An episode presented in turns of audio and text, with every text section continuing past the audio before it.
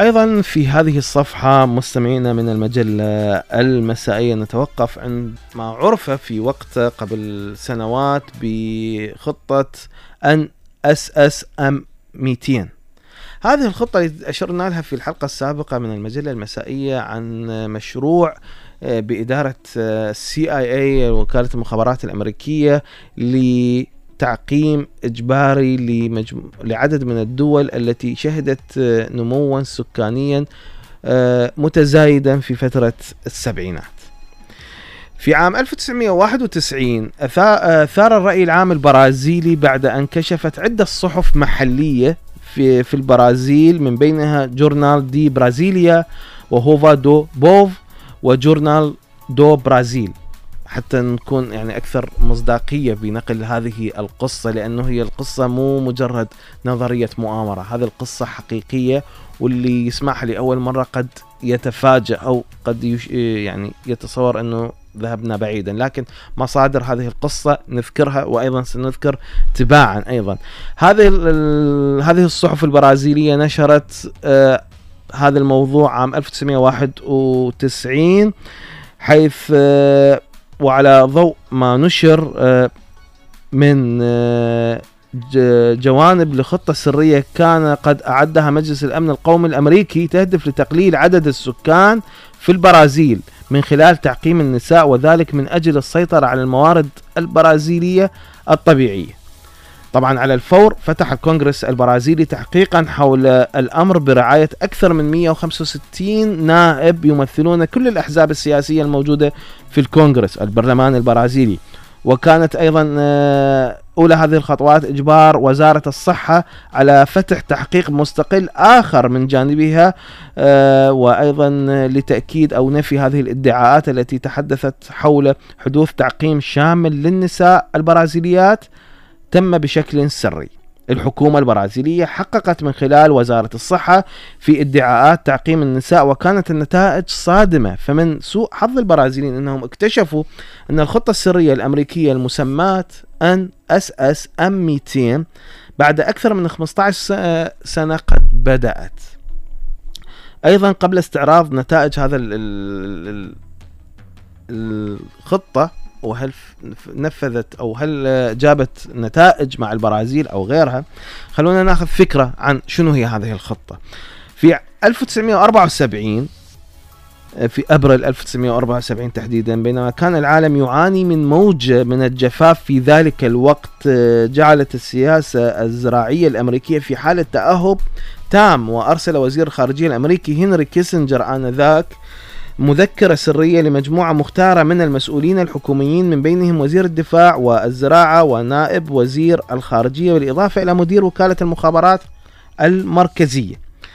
أيضا آه، قال آه، تداعيات النمو السكاني قال في هذه البرقية تداعيات النمو السكاني على الأمن القومي للولايات المتحدة وعلى مصالحها الخارجية. وذلك كان عنوان المذكرة السرية التي تناولت سياسة الغذاء والنمو السكاني والمواد الخام الاستراتيجية. وأيضا خضعت المذكرة لأعلى درجات السرية وذلك لاعتقاد واشنطن بأن نشرها أو تسريبها سيكون مزلزلا. وظلت المذكرة في الظلام لمدة 15 عام إلى أن أجبرت أو أجبرت أجبرت المحكمة في عام 89 السلطات الأمريكية على نشرها وذلك في إطار دعوة قضائية رفعتها إحدى المنظمات القانونية المرتبطة بالكنيسة الكاثوليكية. القرار الأمريكي بصياغة الخطة المعروفة باسم ام 200 بعد فشل الولايات المتحدة في إقناع منظمة الأمم المتحدة بتبني سياسة صارمة للحد من عدد السكان في مؤتمر السكان الذي عقد ببوخارست عام 1974 وذلك على خلفية رفض معظم الدول الشيوعية وكثير من دول آسيا وأمريكا اللاتينية تلك السياسات. تقصد سياسات خفض النسل. وتحديد النسل. وذلك في مؤتمر آه، آه، في المؤتمر قال السفير البرازيلي أن الإنزعاج من النمو السكاني غير مرتبط بالموارد الوطنية على هذا النحو وهو أمر غير مقبول. ميجيل أزوريو. السفير البرازيلي اللي تحدث في مؤتمر عام 1974 أيضا الموقف المتشدد من قبل البرازيل وغيرها من الدول النامية أقنع الدوائر السياسية الأمريكية بأنهم لن يصلوا إلى مبتغاهم إلا بالطرق السرية. وبناء على الأمر أصدر الرئيس نيكسون آنذاك بإعاز من رجال الأعمال رجال الأعمال الأمريكيين أيضا إيجاد قنوات للولوج لهذه الخطة.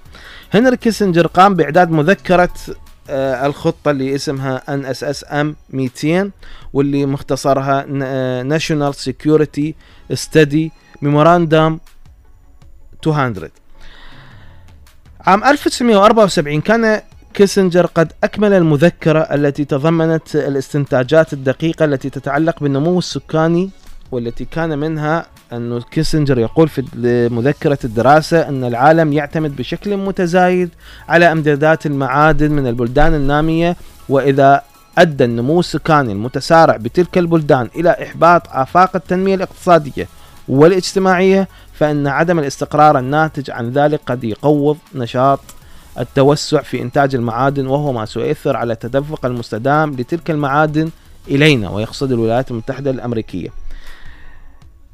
فكرة كيسنجر كانت واضحة. هي أن الولايات المتحدة يجب أن تكون في طليعة الدول التي تروج لبرنامج الحد من النمو السكاني سواء بشكل مباشر أي من خلال جعل برنامج الحد من المواليد شرطا أساسيا للمساعدات الاقتصادية أو بشكل غير مباشر عبر سياسات الأمم المتحدة وصندوق النقد والبنك الدولي. لكن آه، أو لكي ينخفض النمو السكاني العالمي بنحو 500 مليون مو يصبح بمعدل 500 مليون ينخفض بحلول العام 2000 كانت سياسة واشنطن باختصار هي أن الزيادة السكانية في البلدان النامية آه الغنية بالموارد تهدد وصول هذه الموارد الطبيعية إلى الدول الغربية وإلى الولايات المتحدة تحديدا. أيضا آه ذكرت هذه الدراسة. يجب أن تدعم واشنطن الأهداف العامة القادرة على إحداث اختراق كبير في المشاكل الرئيسية التي تعيق تحقيق أهداف مكافحة الخصوبة. على سبيل المثال تطوير وسائل أبسط وأكثر فعالية لمنع الحمل من خلال البحوث الطبية. أيضا آه، دراسات آه، جديدة الاستثمار بدراسات وبحوث طبية جديدة لإيجاد هذه الوسائل المتطورة لمنع الحمل وجعلها أسهل وأرخص أيضا. خلصت المذكرة إلى أنه على المدى الطويل يجب على البلدان النامية تقليص نمو نموها السكاني من خلال جعل التعقيم الطوعي أسهل وسن قوانين تسمح بالإجهاض. كان من الواضح أن الولايات المتحدة جعلت من خفض عدد سكان الدول النامية أولوية صريحة. وإن كانت هذه الخطة سرية للأمن القومي الأمريكي. أيضا قبل أن يتمكن أو تتمكن الولايات المتحدة من تنفيذ تلك الخطة نيكسون أو القدر يباغت نيكسون الرئيس الأمريكي آنذاك للاستقالة من منصبه ب 1975 إثر فضيحة ووتر جيت بعد شهر قام الرئيس الأمريكي الجديد ونائبه اللي كان آه، جيرارد فورد باعتماد خطة NSSM 200 كسياسة رسمية للولايات المتحدة الأمريكية. على الفور تم تطبيق هذه الخطة من قبل كيسنجر بطريقة سرية وكانت تستهدف 13 بلد وضمن أولوياتها في تنفيذ البرنامج الحكومي المتعلق بمكافحة الخصوبة على اعتبار أن ذلك سيسمح للولايات المتحدة باستغلال موادها الخام. هذه البلدان هي كانت مصر الهند بنغلاديش باكستان نيجيريا والمكسيك أندونيسيا البرازيل والفلبين وتايلاند وتركيا وأثيوبيا وكولومبيا. خلال السنوات الثلاثين اللاحقة خضعت هذه البلدان لتغيرات جذرية في معدلات الخصوبة. أيضا معظمها لم ي... أو معظم هذه البلدان لم يدرك ما كان يحدث إلا بعد فوات الأوان. مثل البرازيل اللي اكتشفت هذه الخطة بعد 15 سنة من بدء تنفيذها. والبرازيل صدمت حين اكتشفت إن 44% من جميع النساء البرازيليات التي تتراوح أعمارهن من 14 إلى 15 إلى 55 سنة. من 14 إلى 55 سنة هذه النساء تم تعقيمهم بشكل دائم وأن معظم النساء الأكبر سنا تم تعقيمهم عندما بدأت تنفيذ الخطة الأمريكية في منتصف السبعينات. باختصار هذه الخطة وبها جوانب كثيرة بعد مو نظرية مؤامرة وفق هذه المصادر اللي تتحدث عن سياسة الولايات المتحدة الأمريكية حول العالم وكيف السياسة مستعدة لأن تفعل أي شيء مقابل تنفيذ مصالحها.